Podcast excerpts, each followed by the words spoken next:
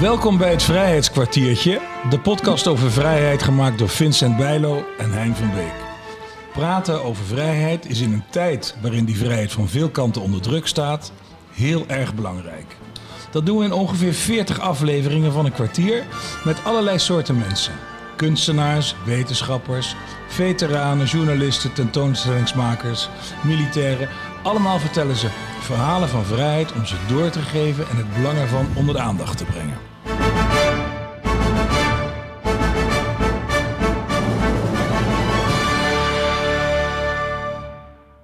We praten vandaag met Maaike van der Kloet. Zij is onderzoeker bij het Nederlands Instituut voor Militaire Historie, de NIMH. Al heel lang vragen nabestaanden van de scheepsramp met de Van Imhof op 19 januari 1942 in de Indische Oceaan om aandacht bij de Nederlandse staat voor deze catastrofe die lange tijd in de doofpot werd gehouden. In 2021 werd de knoop doorgehakt. De regering financiert een onderzoek naar deze scheepsramp. Waarom toch die doofpot? En wat was het voor een ramp? Ja, laten we dat eerst eens even. Uh, want het is een, uh, voor heel veel mensen natuurlijk een, een, een volslagen onbekende uh, catastrofe. Wat, wat, wat is de Imhof en wat gebeurde er op 19 januari ja. 1942? Uh, daarvoor moeten we eigenlijk even, nou, een korte twee jaar terug in de tijd. -hmm. um, en dat is naar 10 mei 1940. op die datum viel Duitsland Nederland binnen. Ja. Um, en werd ook in de kolonie het zijn Berlijn rondgezonden. en dat was zijn om alle Duitse staatsburgers, en onder Duitsers vielen ook bijvoorbeeld Oostenrijkers, Hongaren, et cetera. Uh, om die te interneren. Want ja. zij waren staatsvijandelijke burgers. En uh, besloten werd om alle Duitse en Oostenrijkse mannen te interneren. En voor een klein deel ook vrouwen. Wie er bijvoorbeeld ook geïnterneerd werden, waren leden van de Indische NSB in Nederlands-Indië, Indonesië.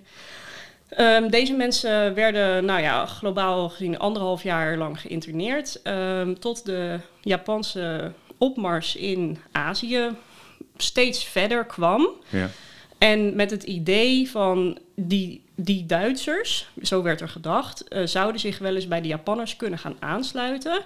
Werd besloten, om in, in geallieerd overleg werd er besloten om die mensen te verplaatsen naar Brits-Indië, naar India. Mm -hmm. Um, en vanuit Nederlands-Indië, Indonesië werd dat met drie schepen gedaan. En de Van Imhof was het laatste schip. Dat vertrok op uh, 17 januari vanuit Sibolga. Dat is een uh, havenplaats aan de westkust van Sumatra. Ja. Um, het schip uh, vertrok, kwam de volgende dag weer terug, want het had geen instructie gekregen. En vertrok op 18 januari weer met 777 Duitse mannen aan boord, Duitse en Oostenrijkse mannen. En op 19 januari, een dag onderweg, uh, werd het schip uh, gebombardeerd door een Japanse vlieger. En de Nederlandse bemanning en bewaking hebben het zinkende schip verlaten zonder zich om die Duitse mannen te bekommeren. En het overgrote deel van hun is daarbij omgekomen, verdronken in de Indische Oceaan. Deze Duitse en Oostenrijkse mannen zaten inderdaad in uh, kooien opgesloten in het schip. Een deel van hun zat ook in een soort kooien die ook met prikkeldraad omsloten waren op het uh, dek van het schip. Um, zij werden gezien als een potentieel gevaar. Um, er was ook met het schip was niet alleen maar een bemanning mee, die dus het schip moest uh, zorgen dat het vooruit ging. Uh, maar ook een uh, bewaking die bestond uit uh, militairen van het koloniale leger in Indonesië. En dus die bemanning en die knilmensen die verlieten als een haas het schip, lieten de anderen daarachter, overigens zonder voldoende reddingsmiddelen ook. Ja, dat is, er waren niet voldoende reddingsboten inderdaad. Ja, maar wat gebeurde er daarna? Zijn zij daar, is die bemanning en die knilmensen, zijn die daarop aangesproken? Um, nee, eigenlijk niet. Um, in die zin dat um, de gezagvoerder van het schip uh, heeft een verklaring moeten afleggen, een scheepsverklaring. ja, het is. Uh, en de, hij was daarvoor verantwoordelijk voor het rijlen en zeilen op het schip. Dus ook voor het eventueel verlaten van het schip in geval van zinken. -hmm. Um, en in uh, de jaren 50 is uh, via de Duitse justitie is een verzoek gedaan uh, in Nederland um, om te kijken of, het mogelijk zou zijn om deze gezagvoerder te vervolgen. Dat is op niets uitgelopen. En toen heeft de regering het ook in, want Hein had het al over de, de doofpot. Toen is het in een doofpot geraakt omdat men er toch er enorm mee in zijn maag zat. Ja, ja klopt. Dat, is ook, dat hebben ze ook echt vrij snel na de ramp hebben ze al um, Um, heeft het gouvernement, dus de koloniale overheid in Nederlands-Indië Indonesië, heeft al gezegd van we gaan niet zeggen tegen de Duitsers, dus in het internationale verkeer, van dat de bemanning en de bewaking het wel heeft overleefd. Daar zwijgen we over, want dat staat er niet goed op dan. Het is natuurlijk een beetje vreemd als de Duitse burgers die aan boord als geïnterneerden, als burger geïnterneerden zijn, dat die het allemaal niet, of bijna allemaal niet hebben overleefd, maar de bemanning en bewaking geen schrammetje heeft. Dus ook daar is over gezwegen. En inderdaad uh, heeft het ook een tijdje, ja, het ministerie van uh, Marine bijvoorbeeld heeft een, um, een kwalijke rol hierin gespeeld. Uh, geen openheid van zaken gegeven bijvoorbeeld. Er is ook een, um, Um, de, de rederij van het schip, de Koninklijke Pakketvaartmaatschappij, heeft een soort uh, boetegeld moeten betalen aan de Duitse overheid nog in 1943. Duitsland bezette Nederland natuurlijk. Er waren Ja. als soort represaillemaatregel waren er medewerkers van die rederijen geïnterneerd. Ja. Dus eh, de Koninklijke Pakketvaartmaatschappij heeft dat eh, zoengeld, noemden ze dat, betaald onder druk. En eh, er is in de jaren 50 een soort belastingdeal geweest tussen het ministerie van Financiën in Nederland en de KPM, dat ze een deel van dat zoengeld weer terugkregen. Onder, onder de boodschap wel van dit, houden, dit vertellen we verder aan, niet aan, aan niemand. Nee, waardoor ze eigenlijk alleen maar verder verstrikt eh, raakten. In, eh, nou was Ja. er in 1953 was er al een eh, meneer Reuling, een jurist die een eh, vertrouwelijk advies gaf aan het Rijk. En daarin zich afvroeg, is hier eigenlijk een oorlogsmisdaad gepleegd? Ja, Reuling heeft het advies eh, geschreven op verzoek van de Koninklijke Pakketvaartmaatschappij. Hij heeft het advies niet geschreven op verzoek van de Nederlandse staat. Ehm, Reuling was eh, zeer gerespecteerd jurist, bij het Tokio-tribunaal werkzaam geweest, dus echt niet zomaar iemand. Eh, de vraag, is er een oorlogsmisdaad gepleegd? Dat, ja, dat is een van de vragen die wij binnen het onderzoek ook eh, pogen te ge- beantwoorden. Eh, we zijn er op het moment mee bezig, dus ik, ik kan daar nu nog niet zo heel veel over zeggen. Nee. Ehm, maar het is, eh, ja, het is wel een hele prangende vraag natuurlijk. Nou, en een vraag die natuurlijk, want in 65 heeft Dick Verkijk, eh, destijds eh, werkzaam voor de VARA, een eh, journalist, een documentaire over gemaakt die verboden is. Ja, dat dus is, men eh, zat er nogal mee. ja, ja, ja de, de VARA heeft daar ook niet zo'n eh, fraaie rol in gespeeld inderdaad. En Ze ook, ontslagen. Ja, ja. Dick Verkijk is, eh, is ontslagen inderdaad. Ehm, dat komt ook wel op een hele aardige manier komt dat aan bod aan een weer een documentaire die BNN-Vara wel heeft uitgezonden in, uit mijn hoofd, 2017. Dus Ja, de Vara heeft alweer zijn eigen straatje schoongeveegd. Ja, Ehm, met verf overigens. ja, dat hebben ze, hebben ze mooi gedaan, zeker. Ja. Ehm, maar ja, heel veel mensen zaten er toch een beetje mee in de maag. En nou ja, laat ik zeggen, ik ben ver na de Tweede Wereldoorlog geboren. Dus ik heb niet zo'n issue met Duitsers. Nee. Ehm, maar ehm, ik merk toch wel in dat hele verhaal met de VARA... en die documentaire van Dick Verkijk in de jaren 60 is dat dan... Ja, 60. Ehm, dat, dat er toch wel. dat er toen echt wel nog ook zo'n anti-Duits sentiment heerst. En dat het eigenlijk ook niet kon. Dat eh, er de. Of het nou de koloniale overheid was. of mensen die werkzaam waren voor de koloniale overheid. of zo'n gecharterd schip van de Koninklijke Pakketvaartmaatschappij. dat daar Nederlanders iets hadden gedaan. waarbij Duitsers slachtoffer werden dat dat echt nog, nog heel lang een heel gek iets was. Dat kon helemaal niet. Nee. Dat was iets, dat, dat, daar moesten we ook vooral niet over praten. En terwijl, ja, ik heb, ik heb daar dus helemaal, ja, Ja, of het was net goed. Ja Dat, nou, of het dat waren sentiment, maar Duitsers dat sentiment of zo, was er dat nog hoor je wel. ook vaak. Ja, genoeg. Ja. Ja. Hey, maar wat heeft nou gemaakt dat jullie nu dit, eh, dit onderzoek zijn eh, gestart? Ehm, ik werk bij het Nederlands Instituut voor Militaire Historie. Ehm, dat wordt gefinancierd door het ministerie van Defensie. Wij eh, doen wetenschappelijk onafhankelijk onderzoek. En er waren nazaten, ehm, kleinkinderen specifiek, die dit aangekaart hebben bij de Nederlandse staat. Ehm, maar ehm, bleek in de juridische procedure die er toen was, dat een rechtszaak niet kansrijk zou zijn. Ehm Dat heeft te maken met het Nederlands recht. En dat het Nederlands recht niet heel erg, ja, ik ben geen jurist, maar uh, aan immateriële schadevergoeding doet. Mhm. Wel aan materiële schadevergoeding. Maar ja, dat was in dit geval was dat niet een issue, omdat het niet ging over weggevallen inkomen. Ehm, en ehm, toen heeft uh, de regering voorgesteld van nou kunnen, kunnen we dan ja, iets anders doen. Ja.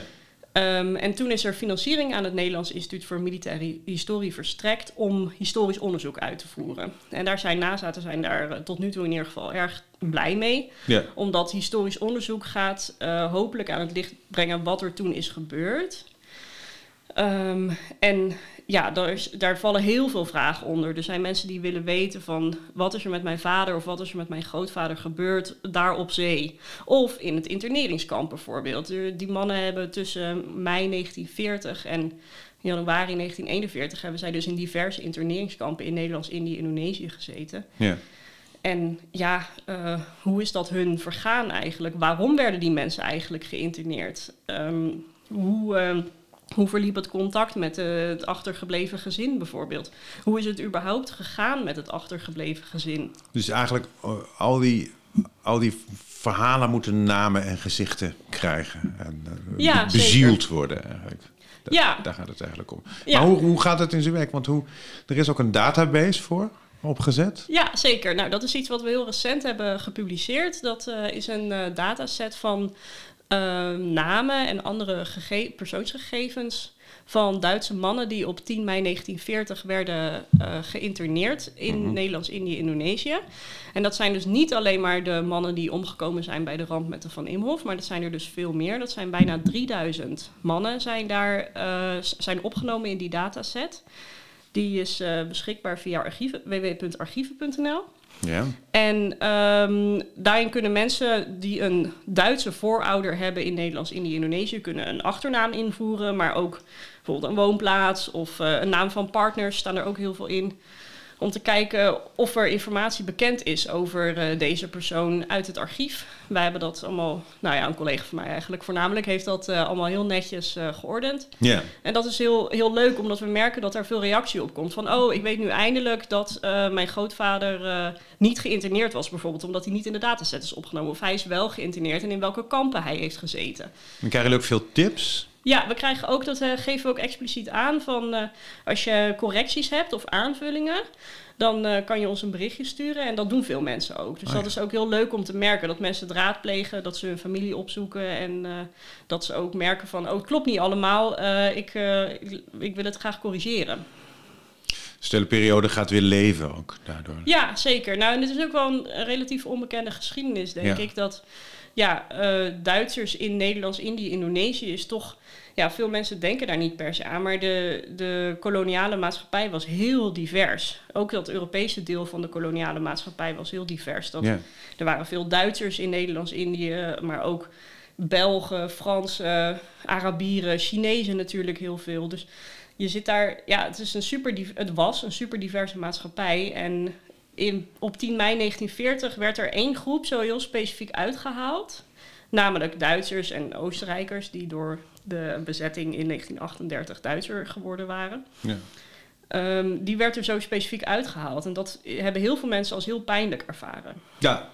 Hoe ver zijn jullie nu eigenlijk? Want, want wanneer moet het uh, eigenlijk klaar zijn? Um, eind, 24, eind 2024 uh, ligt er een boek als het goed is. Dus uh, nog een, een jaartje ongeveer zijn we, hebben we nog. Dus we zijn nu anderhalf jaar bezig. Ja. Dus ja. Nee, maar wat, wat is de stand nu? De, de, de, lukt dat? Uh, ja, dat gaat wel lukken, ja. ja dat, uh, er zijn uh, nu liggen er nou, ja, vijf hoofdstukken in concept liggen er gereed. Maar ja, die moeten natuurlijk nog onderling gelezen worden, gecorrigeerd worden ook. Um, en het is de bedoeling dat er eind 2024 een uh, boek van komt, wat een goed leesbaar boek is. Hm. Uh, met wel wat beeldmateriaal erin, niet te veel beeldmateriaal, want dat is, het is een beetje lastig uh, onderwerp daarvoor. Ja.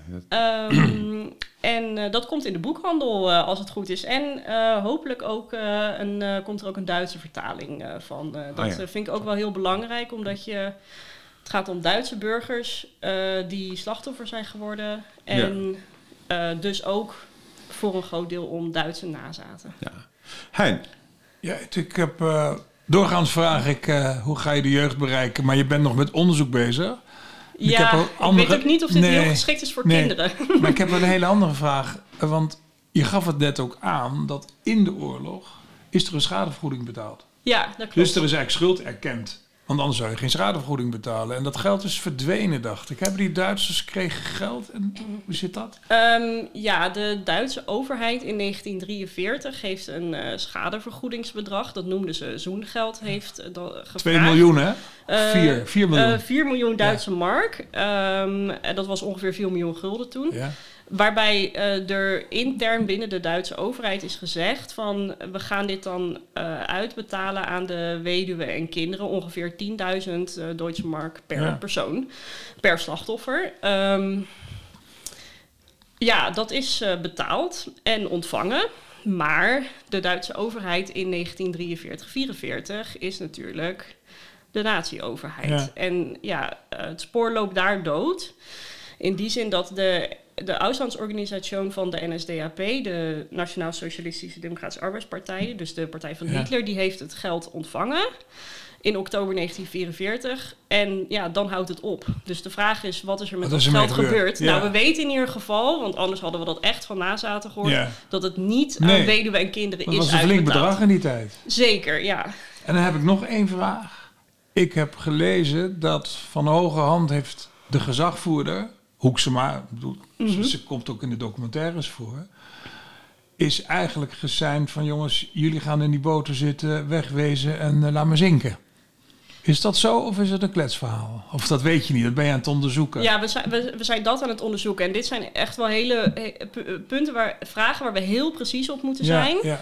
Eh, dus dat zou ik nu dus echt nog niet durven zeggen. Dat, daarvoor zou ik zeggen, lees het boek over een jaar. eh. ja.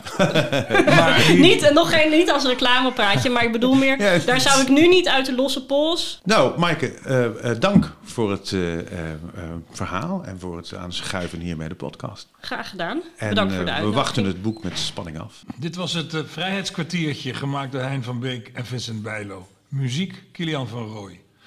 Deze podcast is mede mogelijk gemaakt door een bijdrage van het V-Fonds, Stichting Nationaal Fonds voor Vrede, Vrijheid en Veteranenzorg, de provincie Gelderland, Stichting Vrienden van Boei, Stichting Nationaal Erfgoed Hotel de Wereld en Hotel de Wereld zelf. Mocht je dit een interessante podcast vinden, deel hem vooral, geef reviews en geef sterren. En alle info tref je aan op vrijheidskwartier.nl.